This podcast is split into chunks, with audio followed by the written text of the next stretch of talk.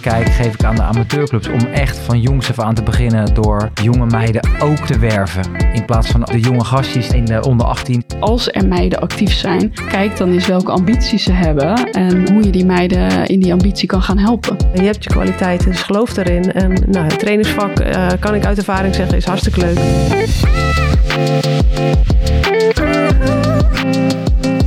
Lieve luisteraars, welkom bij De Jeugd heeft de toekomst. Een podcast van de KNVB over jeugdvoetbal in al haar facetten. Een podcast waarin ik, Piotr van der Marel, samen met een co-host in de wonderenwereld van het jeugdvoetbal duik. Samen met mijn co-host vraag ik mijn gasten het hemd van het lijf. En gaan we op zoek naar hun visie, ziens en werkwijze. Welkom bij De Jeugd heeft de toekomst. Ik kom uit 1980. Het jaar daarvoor werd mijn latere voetbalclub Alkmania te Oude Wetering landskampioen bij de vrouwen.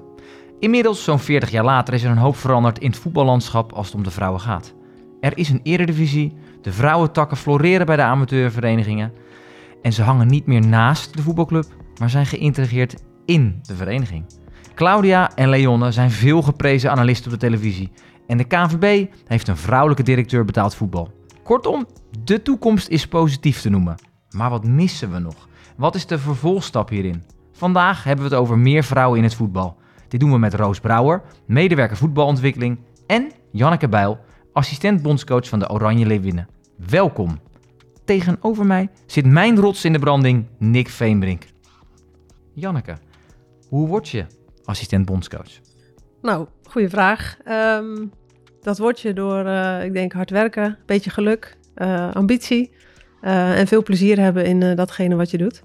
Dus als, je me, als ik nog meer moet vertellen, dan kan dat. Want dan gooi ik mijn hele carrière op, nou, op tafel. Wel, maar ja, ik denk dat dat het belangrijkste is. Daar komen we even terug, dankjewel. Ja. Roos, ja, en wat is jouw route geweest tot medewerker voetbalontwikkeling? Senior medewerkerontwikkeling? Nou, ik ben gewoon begonnen als jong meisje. ik denk dat ik een jaar of 15 was toen ik voor het eerst uh, bij een teampje ben gaan uh, meekijken als uh, assistent voetbaltrainer. En van daaruit ben ik teams gaan trainen, zelfstandig teams gaan trainen. Meidenteams, gemengde teams, jongensteams. ben ik opleidingen gaan doen. En ehm, docent geworden in het voetballen. En nu ben ik medewerker voetbalontwikkeling. Mooi. Um, ik wil met jullie aftrappen met een stelling. Uh, en uh, de eerste stelling is uh, dat verenigingen moeten anders gaan denken en handelen om vrouwelijke voetbaltechnisch kader aan zich te binden. Jazeker. Ja, Roos, de eerste is voor jou. Ja, uh, moet ik eerst alleen ja of nee zeggen? Of ja, ja, gelijk ja. Jij, mag, uh, jij mag ja of nee zeggen. Ja, nou, wij hebben verschillende onderzoeken gedaan naar uh, vrouwen in voetbal. en daar blijkt duidelijk uit dat er heel veel kansen zijn om vrouwen te omarmen in het voetbal. Maar dat dat nog niet altijd even goed gebeurt. En ik denk dat verenigingen, verenigingsfunctionarissen, als zij zich daar bewust van zijn, daar een belangrijke rol in kunnen spelen. Vind jij dat verenigingen anders moeten handelen? Ja, dat denk ik wel. Ik uh, ben zelf ook wel bij een aantal verenigingen natuurlijk actief geweest. En uh, ik denk dat we als verenigingen um, anders kijken naar het vrouwenvoetbal, uh, dat er meer potentieel eigenlijk bereikt wordt. Dus oftewel dat vrouwen meer gaan doen binnen de club. Of dat dan voetballen is of in een kaderfunctie actief zijn. Dus ik ben het met Roos eens en ja. Nick? Ja, zeg nu maar eens nee. nee, ja, ik ben het daar ook mee eens. Al is het omdat ik me voorbereidde en een aantal statistieken zag waar ik best wel van schrok. Dat ik dacht, nou, er is sowieso werk aan de winkel. En ik kan me goed voorstellen dat verenigingen daar een belangrijke rol in, in spelen. Maar ik denk dat we daar, ja, daar komen we straks ongetwijfeld nog. Ja, en, en tijdens het voorbereidende gesprek hebben we het ook gehad over waar we vandaan komen. Dus, en dat, dat, is, was, dat is dat er bijna niks was voor vrouwen in het voetbal. En dat dat nu steeds beter gaat. En dat we ook het positieve geluid met elkaar willen laten horen. Maar dat we ook wel af en toe naar, naar nu of naar vroeger moeten gaan. Om meer duiding te geven. Uh, stelling 2. Het is tijd voor een vrouwelijke hoofdtrainer in de Eredivisie. Janneke. Nou, ik, ik, uh, ik wil dan eigenlijk zeggen, er zijn er al vier. Maar je bedoelt denk ik de Eredivisie mannen. Ja. Precies, ja, dus... Uh, um, nou, dat kan. Als iemand uh, die ambitie heeft en de kennis heeft, denk dat er nog niet heel veel vrouwen zijn die daar aanspraak op kunnen maken.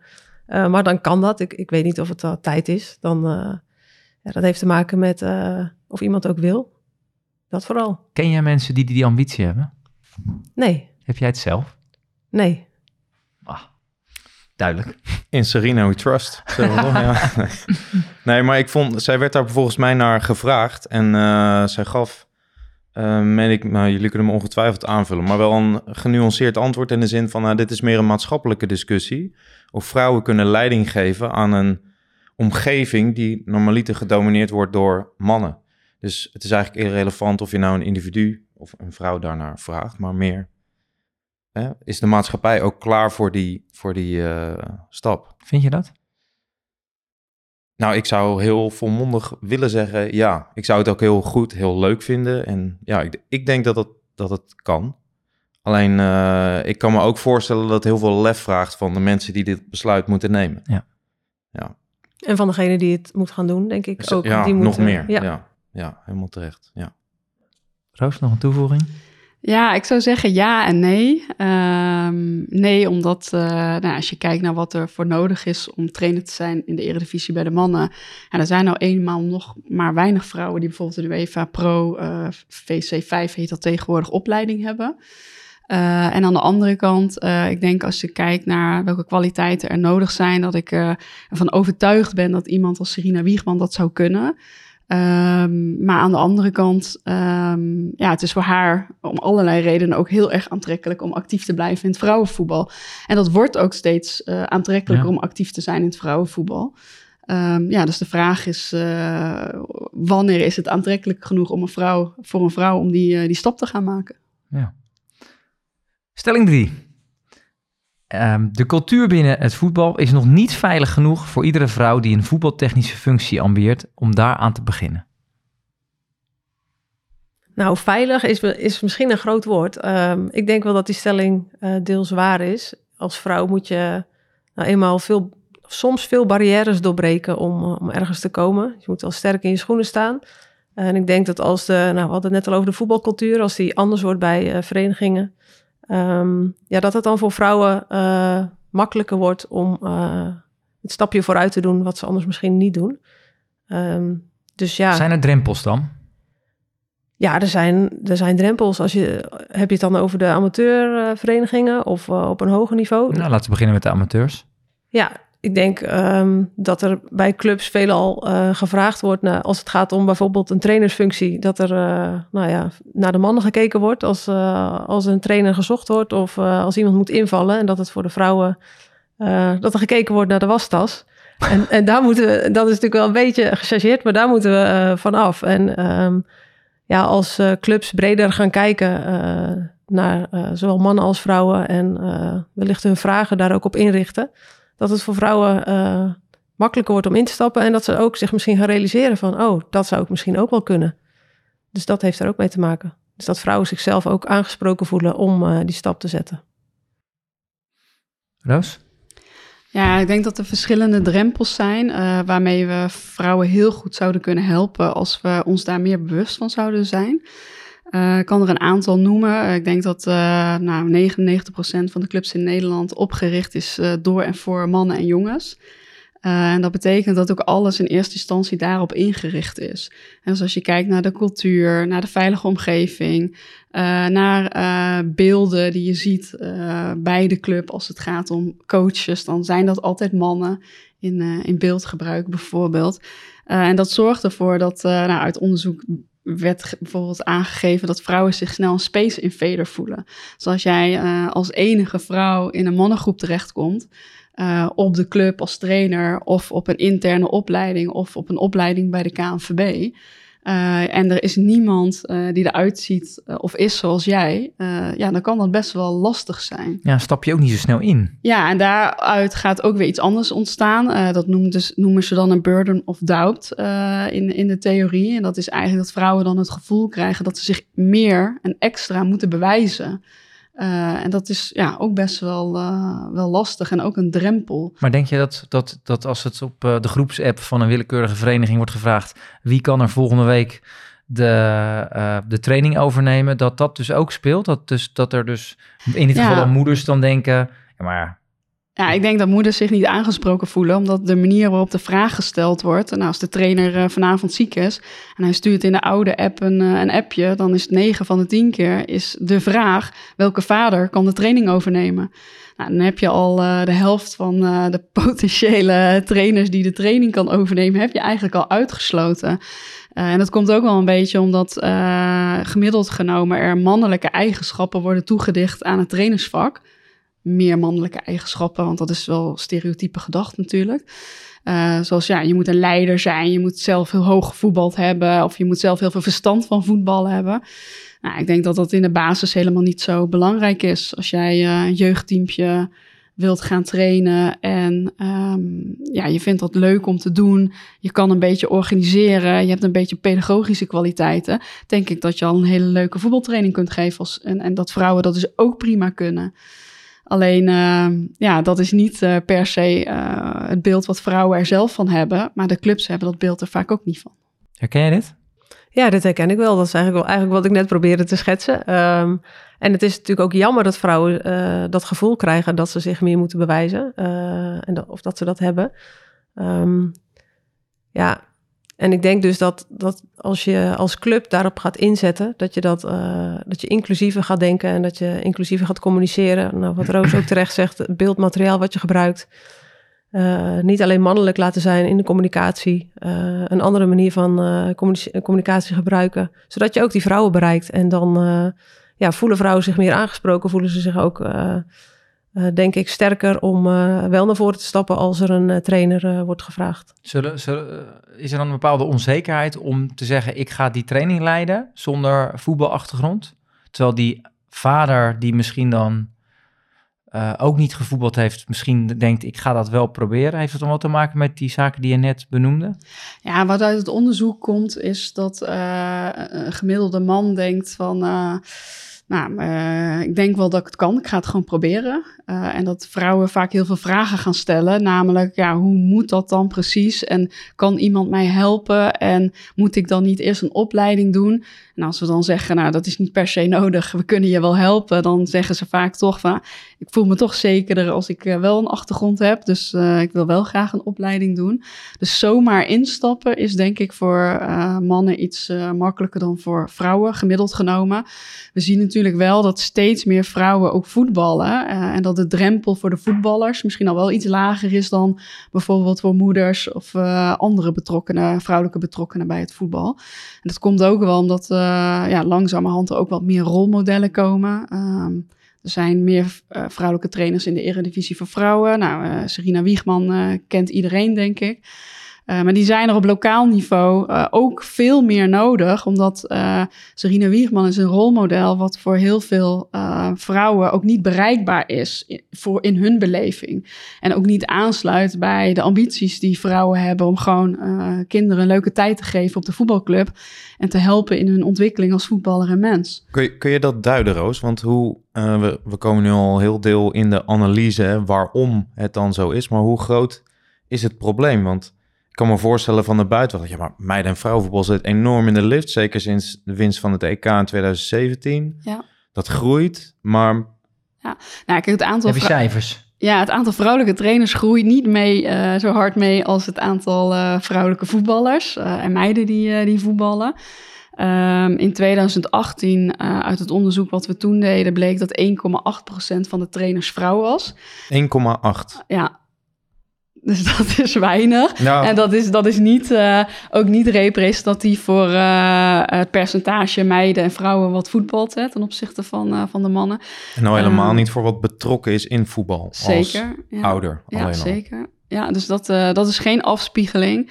even los van het dat het potentieel misschien wel 50% is. Maar het is ook geen afspiegeling van de actieve en betrokken vrouwen in het voetbal, zeg maar. Nou, als je kijkt naar de opleidingen, uh, als je naar alle opleidingen kijkt, van de basisopleidingen tot UEFA Pro, dan hebben we 8% van de, van de vrouwen, uh, of 8% van de deelnemers is vrouw. Uh, maar als je dan kijkt alleen naar de VC, dus de oude UEFA-opleidingen, dus van UEFA C tot de UEFA Pro, ja, dan is nou, ik zeg het even uit mijn hoofd, 3, 3,5 procent maar vrouw. Dus uh, ja, veel te winnen zou ik zeggen. Dit moet jij herkennen, Janneke. Jij hebt Ja. er als enige vrouw in de... Ja, dit herken ik wel. Ik, ik, ik wilde al een beetje met mijn wenkbrauwen gaan fronsen van 8%. Die heb ik niet gezien. Maar eh, er zit dus ook een groot deel in de, eh, niet in de, in de C-opleiding, UEFA-opleidingen.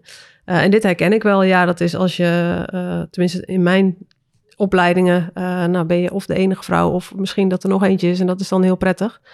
Ehm, omdat het, eh, ja, omdat je dan toch wel herkenning hebt eh, in elkaar. En ehm, ja, Maar kun je, kun je, zullen we daar even op ingaan, dat duiden? Want die stel, ik ben heel blij dat je die stelling niet aan mij had voorgelegd, want ik kan hem ook niet beantwoorden. Maar jullie, jullie hebben dit, ja, je hebt dit ervaren. Ik richt me even door jou, Janneke, maar in die cursus. Je zegt net zelf, ja, het is al prettig als er een andere vrouw al bij is. Hoe ervaar je dat dan, zo'n zo'n eerste cursusavond? Wat? Nou je, je kijkt dus om je heen en je ziet eh, dat er dan veel mannen zijn. Dus eh, in mijn WVC-tijd eh, waren het alleen maar verder eh, jongens, mannen. Nou kom je natuurlijk wel uit een wereld waarin je veel mannen tegenkomt. Want voetbal is eenmaal door en voor, voor jongens en Je hebt mannen. een Ik heb zelf- interland carrière. en- Precies, ja. ik, ik heb zelf bij de jongens gespeeld heel lang. inderdaad zelf gevoetbald. Bij de vrouwen daarna ook interland carrière. Dus dan zit je wel weer meer bij de vrouwen. Eh, maar daar schrik ik dan niet van. Alleen het is wel... eh, je hebt minder herkenbaarheid. Eh, die jongens trainen bij andere clubs dan waar jij zit. Dus je zit in een andere wereld. Ik, ik was toen een tijd trainer bij Seestem in de topklasse. Dus je komt andere dingen tegen. Ehm, en in mijn WVA-opleiding, die volgde ik samen met Linde Helbling, dus de huidige trainer van FC Utrecht. Eh, is het, merk je toch dat het wat makkelijker schakelen is met een vrouw als je soms eens wat, nou ja, bijvoorbeeld onzekerheid eh, hebt, waar Roos het net over had, want dat is er toch. Eh, misschien dat de mannen dat ook hebben, maar die zullen dat misschien ook met elkaar dan bespreken of niet. Maar ja, dat is gewoon prettig om te sparren over, over onderwerpen en ook over je toekomstige werkplek. Wat ook weer anders is dan Ja. de mannen bij wie je dan de opleiding doet. Ja. Ja, het zit ook wel misschien een beetje in eh, specifieke kennis. Kijk, ik heb de WVC, eh, heb ik ook alleen met eh, mannen gedaan. De WVB ook. Bij de WVA ha- zat dan gelukkig wel één andere vrouw. Het is eigenlijk dezelfde situatie als bij Janneke. Maar als je in de groep, als je alleen bent en je stelt in de groep... en, en je traint bijvoorbeeld een vrouwenteam of een meidenteam... en je stelt een vraag die typisch is voor jouw context... Ja, dan hebben vaak de docenten en de andere cursisten... eh, ja, die kennen die context niet. Nee. Eh, dus het is eigenlijk geen gespreksonderwerp. hebt veel minder aanknopingspunten om met medecursisten en docenten. Ja, dus als ik een, een, een specifieke vraag eh, stel over de invloed van het vrouwelijke lichaam of blessurepreventie of ehm, nou, bijvoorbeeld de invloed van de menstruatiecyclus van vrouwen op een. Dan haakt de helft af. Ja, dan. eh, dan- nou, ja. De helft. ja, ze zijn wel eh, geïnteresseerd. Daar gaat het niet om. 96,5 procent Ja, hakt al. Ja. Ja, nee, ze zijn wel geïnteresseerd. Maar het is ehm, eh, dat je niet, je kan er niet mee sparren. Dus jij het hele vrouwenlichaam uitleggen. Nou ja, Nee, nee, nee, dat was gelukkig niet nodig. Eh, maar ja, ik kan me wel voorstellen dat dat eh, ja, voor sommige vrouwen eh, ja, wel een probleem kan jij zijn. zei in het voorbereidingsgesprek zei, je dat de ho- hoofdjeugdopleiding gaat het over 18 hoofdjeugdopleidingen van de 2500 clubs die leiding geven aan een club. Nou, dat is geen afspiegeling van onze maatschappij van vrouwen die een bepaalde leidinggevende functie hebben. Dus nu staan wij in deze podcast. Hoe gaan wij dit nou met z'n allen nou eens even draaien? Dan kijk ik toch even naar Roos, want die we heeft de oplossing in huis. Eh, eh, die- Ja, nou goed, er zijn al hartstikke veel ideeën bij. We doen al hartstikke veel dingen. We proberen clubs al eh, nou, bewust te maken van welke drempels er zijn, welke oplossingen waar clubs aan zouden kunnen denken. Ehm, nou, we zijn toevallig eh, vandaag weer bij elkaar geweest om eh, ja, het meer vrouwen in voetbalplan eh, te updaten. En eh, ja, we hebben toch gezegd dat we daar meer inzet op willen plegen als, eh, als KNVB. We zien daar gewoon heel veel kansen voor ons, maar ook voor de, voor de verenigingen en, en ook voor de vrouwen zelf. Uh, dus ja, daar gaan we ons uh, zeker op richten met uh, allerlei uh, projecten en programma's die we Ja. gaan doen. komen we zo op terug. Janneke, hoe belangrijk is het voor kinderen dat er dus ook meer vrouwen training gaan geven? Ja, ik denk hartstikke belangrijk. Want als je het over kinderen hebt, dan heb je het over jongens en meisjes. Ja. En uh, nou ja, zowel de jongens als voor de meisjes is het belangrijk om ook, of om vrouwen en mannen te zien in uh, kaderfuncties of, of als leidinggevende functies binnen een club. Eh, het geeft uh, de, de, jongens het beeld dat vrouwen dat net zo goed kunnen. Het geeft de meisjes datzelfde beeld. plus het feit dat ze als ze later uitstromen of als ze misschien wel 16 zijn en denken van nou, dat wil ik ook wel gaan doen. Um, dus dat is hartstikke belangrijk voor de kinderen. Dat, dat, uitstromen kan ik misschien wel even op inhaken. Een van de dingen die we bijvoorbeeld doen op dit moment is kijken wie zijn potentiële trainers. Uh, nou, er zijn vrouwen die stoppen met voetballen. Uh, die krijgen van ons een enquête, dat heet een uitstroomonderzoek. En vrouwen kunnen daarin ook aangeven dat ze in ge geïnteresseerd zijn in bijvoorbeeld een rol van voetbaltrainer. Nou, we hebben besloten dat we al die vrouwen gaan bellen. en al die vrouwen een informatiemail gaan sturen om te kijken of ze ze daadwerkelijk kunnen begeleiden naar een, naar een voetbaltrainersfunctie. Ja. Uh, ja, ik denk dat dat een hele belangrijke stap is als het gaat om het potentieel. Dat je uh, naast dat die vrouwen gestopt zijn, dat het toch een kans is om ze te behouden voor het voetballen. Zeker als ze zelf hebben aangegeven dat ze daarin geïnteresseerd zijn. Nou, maar dat zouden clubs natuurlijk zelf ook kunnen doen. Hè? Wij kunnen als KNVB die vrouwen bellen. Maar ja, als er een vrouw stopt uh, met voetballen, ja, dan zou de club zelf ook kunnen vragen: ben je geïnteresseerd in een andere rol binnen de club? En hopelijk wordt er dan niet alleen gevraagd: wil je achter de bar staan? Maar zou je misschien ook een team willen trainen? Veel gehoord uh, probleem is nog vrijwilligerstekort. Lossen we dat hiermee op? Nou ja, als, uh, als je 50% potentieel erbij krijgt, uh, dan lijkt het me een hele belangrijke stap. Ja. Hey Nick, heb jij nog, um, je bent ook weer uh, bij veel clubs geweest. Heb jij goede voorbeelden gezien um, die hierbij aansluiten? Hmm. En vooral het werven misschien? Wat, wat werven, binden van vrouwelijke kader? Ik, ik denk niet specifiek vrouw. Dus ik heb zeker vrouwelijke trainer-coaches gezien bij de amateurverenigingen die ik, uh, die ik bezocht. Maar ik merkte ook wel, het was vaak een, toch een uitzondering. Um, ja, wat, wat ik me bedacht, mag ik hem terugkaatsen? Want jij werkt in het onderwijs, hm. toch? Ja. Basisschool? Ja. Heb jij misschien een verklaring waarom het daar wel passend is dat vrouwen en mannen voor de klas staan, maar op een voetbalveld niet? Nou, ik, ik heb er natuurlijk ook over nagedacht. Het is in het onderwijs natuurlijk geflipt. Want dat was een mannenwereld. Precies andersom. En, dat was, en daar, eh, daar is, natuurlijk, is het gedraaid. Toen was het op een gegeven moment dat, dat uh, alle eh, directeuren nog uh, ook dan de, de, mannen waren. Maar die, nee, dat is ook een uitstervend ras. Ik blijf nog een beetje over. Uh, maar daar, dus dat is wel ook gedraaid. Um, maar wat ik ook gewoon wat ik daarin weer hoor, is dat het fijn is als ze af en toe een meester hebben. Maar dat geldt dus, wat jij net ook zo mooi zei, Janneke, is dat geldt dus ook voor eh, kinderen die voetbal, die voetbal, niet spel voetbal spelen.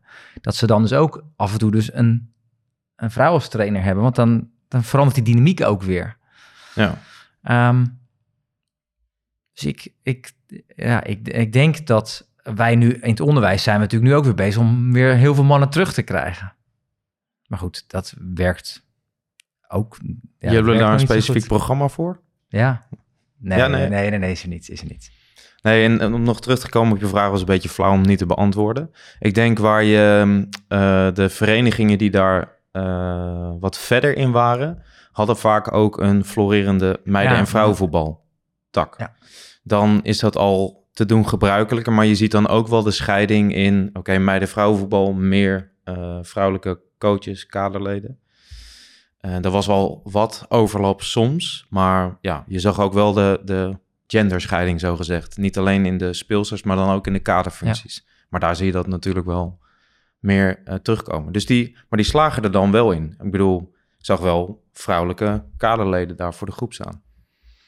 Ja, ja want hebben jullie, um, zijn, hebben jullie nu ook voorbeelden vanuit het land? Vanuit het werkveld die uh, good practices uh, met clubs die het fantastisch doen daarin? Ja, we hebben een programma gedraaid met verschillende verenigingen. en in dat programma um, gaat de club eigenlijk voor zichzelf analyseren van hey, hoe vrouwvriendelijk is het hier eigenlijk? wat dan de drempel kan verlagen om vrouwen te laten instappen. daarnaast hebben ze binnen de club um, ja, een soort van benaderingsstrategie gemaakt. Dus hoe kunnen we ervoor zorgen dat we in de benadering van voetbalcoaches uh, vrouwen niet vergeten, maar ook echt vrouwen aanspreken. Dus er bleek bijvoorbeeld uh, dat heel veel uh, verenigingen um, trainers werven en een functieprofiel opstellen. En dan vervolgens vragen van wie wil dit team trainen? We zoeken iemand met dit functieprofiel. Uh, en dan zag je dat binnen dat functieprofiel dat het zo geschreven was dat vrouwen of mannen zich daar veel eerder tot toe aangetrokken voelden dan vrouwen. Dus ja, ze hebben gekeken naar het functieprofiel. Wat zouden we daar moeten veranderen en hoe kunnen we zorgen dat we daarmee ook. Uh, Heb je dan voorbeelden? Wat staat er dan in het profiel? Waar... Nou, bijvoorbeeld uh, ja, dat je leiderschapskwaliteiten moet hebben. nou, dat is toch iets wat mannen zichzelf eerder toedichten dan een vrouw bijvoorbeeld. Ook alleen de, de taal die men spreekt en waar men nadruk op legt in de tekst. Um, ja, dat zorgt er eigenlijk al voor dat vrouwen denken van... hey, dit is niet voor mij. Uh, dus nou, daar zijn ze mee uh, aan de slag gegaan. Vervolgens uh, zijn ze die vrouwen gaan benaderen en hebben ze die vrouwen persoonlijk benaderd. En die hebben ze ook door iemand laten benaderen, waardoor de kans vergroot werd dat de vrouwen ook zeiden: Ja, ik wil wel naar de informatiebijeenkomst komen tijdens de informatiebijeenkomst is heel duidelijk aangegeven uh, waarom de club uh, belang ziet in meer vrouwelijke trainers. Um, zodat die vrouwen zich ook echt aangesproken voelen. En vervolgens is aan die vrouwen gevraagd welke omgeving zij nodig hebben, of welke situaties zij nodig hebben om de functie te gaan proberen. Nou, dan zegt de ene vrouw van, uh, nou, ik wil dat graag met een andere vrouw doen. Uh, en samen zijn we onervaren, maar samen gaan we dat ontdekken. En de andere vrouw zegt, nou, ik zou dat graag met een uh, ervaren mannelijke trainer willen doen. Want dan heb ik daar hou vast aan en dan kan ik mijn vragen aan stellen. Weer een andere vrouw zegt, ja, ik ga dat alleen doen, maar ik zou wel graag willen dat de HO mij helpt met de oefenvormen die ik uh, kan uh, uitkiezen. Dus ja, iedere vrouw, en ik denk dat het ook voor mannen geldt, uh, maar ja, die vrouwen hebben hun eigen wensen. En daar probeert de club zo goed mogelijk op in te spelen. Nou, uiteindelijk wordt dan ook gekeken naar wat hebben die vrouwen aan begeleiding en opleiding nodig. Waar liggen hun wensen? Hoe kunnen we daar invulling aan geven? En als laatste kijken we dan naar hoe gaan ze zelfstandig een rol invullen. Uh, en hoe kunnen die vrouwen dan weer als rolmodel gaan dienen uh, om dat vliegwiel gaande te houden, zodat het niet een eenmalige actie is dat die club meer vrouwelijke trainers werft, uh, maar dat ja, ook in ja, de lengte van jaren ieder jaar een aantal vrouwelijke trainers weer toegevoegd wordt aan, aan, de, aan dat kader. Ik wilde nog de vraag stellen, waarom is het belangrijk een heel programma te doorlopen? Maar dat is ook omdat je ja, je moet wel ontzettend, alles wat jij net noemt, dat is ook heel veel om te veranderen, lijkt me, bij een club. Dus dat maakt het ook dat het dus intensieve begeleiding. Ja, het verschilt heel erg per club. Hè. Jij zei net al iets over clubs die bijvoorbeeld heel veel voetballende meiden en vrouwen hebben. Uh, er zijn ook clubs die dat minder hebben. Uh, dus het ligt heel erg aan de club. Uh, het ligt heel erg aan hoe bewust de club überhaupt al bezig, omgaat met het positioneren van, van meiden en vrouwen binnen de vereniging in een bredere context. Um, dus ja, dat is heel verschillend. Uh, maar ja, de meeste clubs trekken er wel een jaar voor uit om dat goed te doen. Of een seizoen trekken ze daarvoor uit om dat goed te doen. Ja. Ja, ze implementeren dan dat programma of dan eigenlijk die andere cultuur. En vervolgens uh, verhoop je ook dat ze dat natuurlijk uh, zo blijven doen. En dat die rolmodellen uh, ervoor zorgen ook dat, dat ze zichtbaar zijn voor, voor andere vrouwen, waardoor er weer meer aanwas komt. En dat is, dat is denk ik wel de kracht dan van, van zo'n programma. Vind jij jezelf een rolmodel? Um, nou, ik, dat, ja, misschien toch wel. Ik twijfel daar een beetje over, omdat ik in eerste instantie dat zelf uh, mezelf niet zozeer uh, zie als een rolmodel. Afgelopen um, zomer hebben we natuurlijk een mooi WK gehad. Ja. Uh, waar je dan wel rondloopt als, als vrouwelijke coach. Um, er lopen er natuurlijk gelukkig nog wel meer. maar je bent wel een van de vrouwen die op, de, op de een van de hoogste plekken zit, ja. in ieder geval in Nederland. Dus uh, ja, ik denk wel dat, uh, dat ik dat uh, ben of kan zijn voor, voor andere vrouwen. En wat, wat neem jij, meisjes. Ja, wat neem jij daarin misschien wat meeste mee van dit avontuur? Um, nou ja, als rolmodel. nou ja, niet zo eens, of, of, misschien wel als trainer ook. Niet zozeer, ja. Als, ja. als trainer dat, het, dat het heel groot is. En je ziet ook dat het per WK of EK of eindtoernooi, hoe je het wil zeggen, dat het groeit, de aandacht groeit, de media-aandacht. Uh, dat zie dus ik dan, ook jouw zichtbaarheid. Ja. Ook mijn zichtbaarheid, ja. inderdaad. En dat zie ik ook terug als ik uh, gewoon weer terugkom in Ledam, waar ik woon. En uh, waar de meisjes van LSC, van de voetbalclub, dan ineens wel weten dat ik daar bij dat Nederlandse elftal loop. En dat super leuk vinden. En, en de jongetjes eigenlijk ook. waardoor je merkt van, hé, hey, het, is, het, is, het is groots. Het vrouwenvoetbal groeit. Het wordt steeds groter. Ehm, nou ja, en dan, dan, dan word je vanzelf inderdaad eh, een rolmodel. En ja, dat eh, wil ik dan met alle liefde en plezier zijn. En eh, voor de groei van het vrouwenvoetbal is die zichtbaarheid natuurlijk geweldig. Maar misschien is het meer wat, wat Roos net zei. Het wordt voor een Serena Wiegman steeds aantrekkelijker om in het vrouwenvoetbalcoach te blijven. Ja. Zeg maar, dat, Ja. misschien dat dat de ontwikkeling eh Ja, is. Precies. sport groeit. De sport groeit zelf. Dus nog even los van, denk ik, de vergelijking richting het mannenvoetbal. Maar de sport groeit. Dus meer meisjes gaan voetballen, vrouwen gaan voetballen. Eh, meer meisjes en vrouwen stappen hopelijk dan ook in de sport. Want als de sport groeit, groeien ook de plekken waar je dan vervolgens eventueel zou kunnen werken. Dus er komt meer toekomstperspectief. Is het daarom ook niet jouw ambitie om bij een mannen-eredivisie... Ehm, nee, die komt eigenlijk eh, vandaan bij het feit dat mijn hart gewoon bij het vrouwenvoetbal ligt. Ik ben zelf natuurlijk altijd actief geweest eh, in het vrouwenvoetbal. Eh, en daar merkte ik dus eigenlijk wel deze problematiek van eh, welke trainers staan er op de groepen, hoe vaak mag je trainen, welke aandacht krijg je. Eh, en ik merkte zelf toen ik stopte van, nou ja, eigenlijk, of eigenlijk eerder nog, van als ik stop en het, het lukt me om trainer te worden, dan zou het heel mooi zijn om meisjes met ambitie, ja, misschien wel proberen in ieder geval dezelfde kansen te geven als eh, jongens met ambitie. In ieder geval dan met een trainer die dezelfde ambitie heeft Mooi. en, eh, Ja. en Ja, net zoveel gezegd. en alles voor doet, zeg maar. En daar zit mijn, eh, ja, daar komt mijn ambitie vandaan om in het vrouwenvoetbal actief te zijn. Eh, ik- ik heb een jaar bij de mannen gewerkt, wat ik hartstikke leuk vond. Maar mijn hart ligt echt eh, bij de vrouwen. eh, dus voorlopig eh, hoop ik daar nog wel te blijven. Mooi. Hey, Roos schetst net een aantal dingen die je bij verenigingen bijvoorbeeld moet veranderen, maar ook in, in trainer-coachopleidingen. Wat ik me nou afvroeg, het gaat ook om eh, kansen aangereikt krijgen of kansen nemen. Kun jij schetsen in jouw trainersloopbaan, hoe vaak heb jij een kans aangereikt gekregen en hoe vaak heb je meer of misschien een kans moeten creëren? Ja, het is echt wel een combinatie van, van die twee. Ehm, ik ben begonnen als trainer bij, eh bij Seestem, eh, bij de meisjes. Dat is een jaar of acht geleden. Eh, ja, ik had nog geen trainersdiploma's, dus moest ik eh mijn WVC gaan, eh, gaan halen. Eh, ik was oud-international, had eh, best wel wat wedstrijden in de Eredivisie gespeeld voor vrouwen. Dus ik dacht, nou, misschien eh, kan er nog iets eh, gebeuren eh, binnen de KNVB. En ik merkte dat, daar, dat er geen deuren open gingen. Dus dat dat lastig was. Ehm, dus heb ik zelf, eh, eh, heb ik zelf initiatief moeten nemen. Eh, net als eigenlijk natuurlijk gewoon elke man. Hè? Maar goed, als vrouw eh, binnen die opleidingen is het toch net wat minder zichtbaar. eh, zijn de uitingen toch net wat anders. Ehm, dus heb ik de, de, gevolgd. Ehm, nou, waar je dan tegenaan loopt is inderdaad eh, minder, eh, minder vrouwen binnen die opleiding, wat Roos net ook aangaf.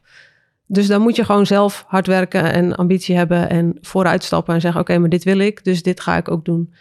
Ehm, ik moet zeggen dat in de loop der jaren dat we als KNVB daar echt mee aan de slag zijn. Er zijn meer mogelijkheden voor, voor vrouwen die uitstromen. Eh, er is meer zichtbaarheid, denk ik, voor de, voor de opleidingen die we, die we geven. Eh, we proberen meer vrouwen te bereiken. Eh, en nou ja, ook met speciale programma's, volgens mij, eh, eh, warm te, te laten draaien voor trainerschap. Ehm, en daarnaast heb je ook wel weer, waar ik ook veel aan heb gehad, is de, heb je bijvoorbeeld een UEFA Scholarship, de financiële component. Wat als dat? vrouw, ja, dan- kan je eh, vergoeding krijgen voor je eh, opleiding. eh, als je trainer wil worden. En nou, dat helpt je. en dan even zeker als vrouw, omdat je en weinig verdient in je carrière, of minder. Misschien nu niet meer, maar toen ik nog voetbalde, wel. En je, wat ook misschien nog wel belangrijker is, je verdient het als vrouw in ieder geval in het vrouwenvoetbal niet zo snel terug. Omdat de bedragen Als je daarin... dat diploma eenmaal hebt. Als je het di- diploma hebt, ja, precies. Dus stel je haalt je WVA en je, je wordt eh, trainer. eh, of dat dan bij een topklasser is of eh, bij de Eredivisie Vrouwen, dus het eerste of het tweede niveau. Ja, daar, daarin gaan natuurlijk andere bedragen rond dan eh, Ja. eh, bij de mannen. Eh, dus dat, eh, eh, Zou je zeggen, dat is het nu is het in balans? Als in de kansen die je eh, aangereikt krijgt als vrouwelijke trainer-coach versus de kansen die je moet creëren. Ik zal, kan me voorstellen, beide blijft ja, je zult ergens ook Ja. voor moeten werken en soms initiatief moeten nemen. En Ja, niet alles precies. komt op een presenteerblaadje. Nee, dat, ik weet niet of het, of het in balans is. Ik weet wel dat, er, dat, dat de KNVB daarin grote stappen heeft gemaakt. En eh, in ieder geval eh, genegen is om, om- nou ja, we zitten hier niet voor niks, om eh, meer vrouwen in de, in de sport te krijgen. Ja. En daar ook daadwerkelijk stappen voor onderneemt. En nou, dat heb ik dus mogen merken. Eh, maar je moet er ook, je moet wel zelf willen. Dus dat is eh, tegelijkertijd eh, zo. Er zijn een hoop dingen die misschien beter of anders kunnen bij clubs of in, in uitingen, eh, in de communicatie. Ehm, maar je moet ook zelf wel willen en vooruitstappen. En dat is soms wel makkelijker gezegd dan gedaan. Maar uiteindelijk ja, zou ik dat vrouwen ook wel mee willen geven van... Ja, je, waarschijnlijk kan je het goed, dus ga ervoor en eh, stap naar voren. Ja, steek je vinger op. Nee, nee, nee. Oh. nee, zeg je heel goed. Nee, dat zeg je heel goed. Maar nou, ja, eh, wil je hier nog wat aan toevoegen? Ik wilde jou niet interruperen Oh, eigenlijk. nee, nou, uh, Heb je toch Nick, gedaan? Ja. Ja. Nick vroeg nog van, uh, was het makkelijk of, of, of wat, wat heeft je geholpen? Of, ja, ik, ik vertelde ook in ons gesprek hiervoor dat door mijn eigen voetbalcarrière als international, maar ook omdat ik bij PSV gevoetbald heb in Twente, uh, dat het soms wat makkelijker binnenkomen is uh, dan uh, wanneer je dat niet hebt, wanneer je die achtergrond niet hebt. En ik denk dat het belangrijk is dat we alle vrouwen weten te bereiken die uh, ambities hebben. Ook zonder voetbalachtergrond. Ja, precies, ook zonder voetbalachtergrond. En dat die ook uh, ja, weten dat als ze ambities hebben, dat ze dan hier aan het goede adres zijn. En dat ze instappen. Weet je wie ook ambities heeft? Ja, dat, dat kan niet anders uh, zijn dan Nathan Rutjes. Nathan Rutjes. Hoi Piot, meer vrouwen in het voetbal. Het gaat al helemaal mis bij deze stelling. Weet je namelijk hoe ze dat noemen in de volksmond? Discriminatie. Het moet namelijk helemaal niet gaan over of je een man of een vrouw bent. Het moet gaan over heeft deze persoon de kwaliteit om een functie binnen het voetballandschap te bekleden. Maar ondanks dat Rotterdam veel viaducten heeft, kom ik er echt niet onder vandaan hoor. En ik weet dat vrouwen, en zeker ook in de conservatieve wereld van de voetballerij, nog dagelijks moeten strijden en moeten opkomen voor de gelijkheid. Toch merk ik een verandering in tegenstelling tot de beginjaren van mijn carrière als profvoetballer. Voetballen en vrouwen? Ah, het is een goed huwelijk aan het worden hoor. En soms heeft een goede relatie tijd nodig en die moet je de relatie ook geven. Stapje bij beetje kom je echt waar je wilt zijn, maar het komt niet vanzelf en je zult er echt in moeten blijven investeren. Dat we nu praten over Serena Wiegman als bondscoach van de Engelse mannen. Laura van Leeuwen, directeur bij NV Maastricht. Marianne van Leeuwen, directeur betaald voetbal. Volle stadions bij de internationals. Eredivisie vrouwen live op ESPN. Dat vrouwenvoetbal vanaf 2017 de snelst groeiende sport is. Investeringen van clubs om het vrouwenvoetbal in de breedte te intensiveren. En zo kan ik nog wel even doorgaan, Pjot. Ik weet, we moeten het zeker niet als bijzonder beschouwen, maar het voetballandschap is en blijft zich positief bewegen voor de vrouwen in de voetballerij. En dat er nog niet zijn, is een feit, maar dat is een gedeelde verantwoordelijkheid van zowel de mannen en de vrouwen en daarin moeten we de krachten bundelen. Het is niet makkelijk, maar kijk wat we al bereikt hebben met elkaar. Op naar de volgende stap. En daarover gesproken, Pjot, ik heb een vraag voor de gasten. Wat als je morgen wakker wordt en je krijgt carte blanche om één ding direct te mogen veranderen met betrekking tot vrouwen in de voetballerij? Wat zou dit dan zijn? Een hele mooie. Een hele mooie om denk ik ook uh, richting het einde van de podcast te gaan. Wij krijgen alle middelen. Wat zouden we gaan doen? We denken al een aantal dingen hebben, hebben we besproken. Aan de kant van de KNVB, de clubs, maar ook wel uh, wat jij net heel mooi zegt. Dat je zelf ook gewoon ambitieus moet zijn. Dat je moet durven. Uh, en je kansen te pakken. Roos? Zo, goede Mag ik met jou beginnen? Ja, ja. Carte blanche. dat wij uh, uitgaan van de kwaliteiten die nodig zijn om een functie te vervullen. Uh, en dat um, de kwaliteiten die uh, ingebracht worden ook uh, door vrouwen goed gewaardeerd gaan worden in het voetballen. Dat zit natuurlijk ook een beetje in stereotype denken. Nou, dat is niet iets wat je met geld kan, kan wegnemen. maar ik denk wel dat we moeten proberen met andere ogen naar de inzet van vrouwen te kijken en dat goed te waarderen. Uh, dat zou heel erg helpen als we soms gewoon eens even met z'n allen een andere bril zouden opzetten. Want ik denk dat het uh, ja, stereotype denkbeeld uh, nog steeds van grote invloed is. Nick? Ik had lang nodig om hierover na te denken. Maar ik denk, Als je het me nu zou vragen, zou ik toch kiezen voor een vrouwelijke hoofdcoach in het mannen profvoetbal. En niet dat dat een doel op zich moet zijn, omdat ik wel geloof dat dat een discussie of nou, een bepaalde barrière doorbreekt en wel een discussie uh, op gang houdt. En misschien wel over een bepaald kantelpunt heen brengt. Dus daar, daar zou ik dan voor kiezen. We pakken dus één boegbeeld, die treedt naar voren en die gaat, de, die gaat het verschil maken. Ja, carte blanche, je mag... Uh... Nou ja, dit, dit was er één. Er zijn nog heel veel andere dingen te bedenken. Misschien twee of drie dan. Ja, ja, precies. Nou, als we dan toch carte blanche hebben, ja, je hebt gelijk. Laten we het dan goed doen. Ja, ja. de vrouw, Die ene club die het lef bondscoach. Ja.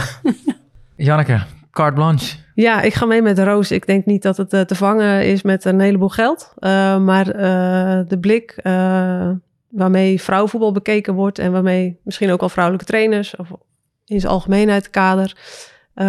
dat, als dat zou veranderen, en, dan zou dat de wereld denk ik een stukje mooier maken. Ja, dat sluit misschien ook wel aan bij een ander programma wat wij hebben. Dat is Coachplan Nederland. Uh, het is niet alleen zo dat de KNVB potentiële vrouwelijke trainers uh, in beeld probeert te krijgen en hun als trainer actief probeert te krijgen. Maar wat we ook doen is onder de trainers die al actief zijn uh, aan een stukje talentherkenning en talentontwikkeling. Om te kijken of we hen kunnen helpen om de volgende stappen te maken. Om, nou ja, net zoals Janneke uh, misschien uh, bij de uh, nationale lijn terecht kunnen komen. Hè? Dus in de, in, de, in de jeugdopleiding van de nationale lijn. Of bij een eredivisie vrouwenclub terecht kunnen komen. Of nou, op welk niveau zij dan ook ambiëren. En dat is dan tegelijkertijd ook een tip aan clubs. Als er meiden actief zijn. Kijk dan eens welke ambities ze hebben. En hoe je die meiden in die ambitie kan gaan helpen. Mooi. Pilten, jij moet nog. Nou, ik wilde naar de tips gaan. Nee, nee, mijn carte blanche. Ja, ik ga dan toch terug naar, naar de roots. En ik denk dat uh, dan zou ik de bril, want dat vond ik een hele mooie. Dan geef ik de bril een andere kijk, geef ik aan de amateurclubs. Om echt van jongs af aan te beginnen door jonge meiden ook te werven. In plaats van eigenlijk, want dat zie ik dan ook nog te veel. De jonge gastjes die in de, in de onder 18 één spelen, die worden gevraagd. Maar wie zegt dat daar de potentie in zit? Ja, dat is mooi. Want, om toch nog even aan toe te voegen. Ik loop dan op mijn eigen amateurclub, mijn oude amateurclub. En dan zie ik nu zoveel meisjes en jongens door elkaar heen voetballen. En ik weet, dat is een ander onderwerp. Dat is gemengde voetbal. Maar uiteindelijk leidt dat er wel toe dat jongens en meisjes niet meer uh, apart naar elkaar kijken. Het is gewoon, nee, we zijn elkaars teamgenoten. Ja. En uh, nou, daarin zijn al enorme stappen gemaakt. En uh, dit, dit zou volgens mij een prachtige mooie ja, de norm die je daar zijn. verandert, wil je precies. ook in ja, die precies kaderfuncties en bestuursfuncties. Ja, dat is misschien nog wel goed om te zeggen dat in de programma's die wij draaien, wij ook altijd aandacht hebben voor inclusiviteit. Uh, want het is hartstikke leuk om specifiek iets voor de vrouwen te doen. Wat en... bedoel je met inclusief? Die term is vaker voorbij gekomen, ja. maar het is altijd goed om hem uit te leggen. Ik uh, zal hem gelijk toelichten. Nou, wat, uh, het is dus leuk om iets specifieks voor die vrouwen te doen. En die extra aandacht is op dit moment gewoon nog nodig. Uh, alleen als er dan een clubje binnen de club ontstaat, nee, dan, uh, dan, wordt het helemaal niet inclusief. En dan wordt het ook helemaal niet logisch dat we aan vrouwen gaan denken in functies of dat vrouwen functies gaan bekleden. Uh, dus in onze programma's kijken we ook altijd naar, nou, wat is er op de club? wat is er niet op de club? En hoe kunnen we dan, als er iets is, de vrouwen daar een plek in geven? En als het er nog niet is, kunnen we het dan ontwikkelen voor mannen en voor vrouwen? want ja, dan wordt het echt inclusief. en dan ja, denk ik dat, uh, die dat, dat de mensen die daarbij betrokken zijn automatisch al die andere bril op hebben.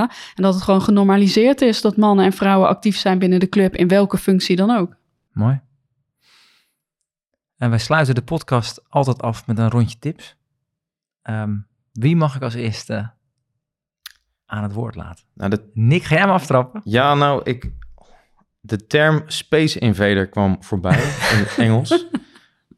Maar dat is tegelijkertijd de titel van een heel mooi boek. Het is een wat theoretisch boek. Ik heb hem voor een studie moeten lezen. Maar wel heel inzichtelijk. Waarbij de schrijver je ook meeneemt aan hoe een ruimte of een omgeving kan ingericht zijn op een bepaalde norm. Bijvoorbeeld mannen en vrouwen. En uh, ja, ze zeggen vaak, een vis is zich niet bewust van het water waarin die zwemt. Ja, als je dat leest, dan val je ook steeds meer dingen op die voor mij als witte man heel normaal zijn, omdat ze eigenlijk naar mijn norm zijn uh, ingericht. En dat boek geeft je wel een bepaald bewustzijn en perspectief, waardoor je met een andere bril uh, daarna gaat kijken. Dus ik vind dat wel een, Mooi. een Space Invaders. Weet je de schrijver? Invaders. Nee, niet aan mijn hoofd. Maar die zetten we in de show, show notes. Yes. Roos. Ja, mijn tip uh, zou dan een praktische tip zijn. Ik zat vanmiddag te denken aan de doelgroepen meiden junioren en eigenlijk ook jongens junioren. Uh, in het jaar dat ze 17 worden, moeten ze allemaal een spelregelbewijs halen. Hartstikke leuk. Maar zou het ook niet hartstikke leuk zijn als je alle jongeren van een jaar of 16, 17, 18 kennis laat maken met de rol als voetbaltrainer? En nou, wij hebben bijvoorbeeld een een programma voor startende trainers. Dat heet het welkomstprogramma. Dat je die jongeren daaraan laat deelnemen om te kijken of ze daar een rol in uh, kunnen gaan spelen. Uh, en ik denk dat het voor zowel jongens als meisjes hartstikke leuk kan zijn. Absoluut. Dankjewel. Uh, ik had eigenlijk een soort van drie luikje gemaakt. in zijn algemeenheid een tip voor ons mensen hoe we nou naar vrouwenvoetbal kijken. Um, ja, kijk niet alleen naar uh, wat het kost, maar kijk waar het vandaan komt. En um, ja, wat het biedt, uh, niet alleen voor jongetjes, maar ook voor die uh, andere 50% van de kinderen, dus de meisjes. En dat het geweldig is als, nou, als, ik, als we dus op clubs lopen, dat ze samen voetballen. dus laten we die kansen ook geven aan, aan het kader. En voor de vrouwen specifiek, stap erin, um, stap vooruit, volg je ambitie. Uh, jouw mening telt en uh, je hebt je kwaliteiten, dus geloof erin. En nou, het trainingsvak, uh, kan ik uit ervaring zeggen, is hartstikke leuk. Hm. Dus ga ervoor. En als laatste eigenlijk nog voor de clubs, um, geef vrouwen het voordeel van de twijfel als de kwaliteit gelijk is. Mooi. Mooi. Niks meer aan toe te voegen, maar ik heb nog wel eentje, een, een docu van ons rolmodel, waar we een paar keer al genoemd hebben, Serena Wiegman. Uh, vond ik op YouTube Making a Manager, waar waarin zij, uh, waar beelden worden getoond van een hele jonge Serena, um, ja, die ook gewoon al de skills heeft om een groep meiden uh, heel goed training te kunnen geven. Um, ik denk dat we alles besproken hebben in deze podcast. en op naar nog meer vrouwen in het voetbal, zou ik willen zeggen. Dankjewel voor het luisteren en tot de volgende. Lieve luisteraars, dankjewel voor het luisteren naar de Jeugd Even Toekomst. Check de show notes voor meer informatie over het thema Meer vrouwen in voetbal en welke programma's de KNVB daarvoor heeft. Zo is er binnenkort een congres over meer vrouwen in voetbal. Alle amateurverenigingen krijgen daar een uitnodiging voor. Ben je geïnteresseerd? Check je club voor meer info.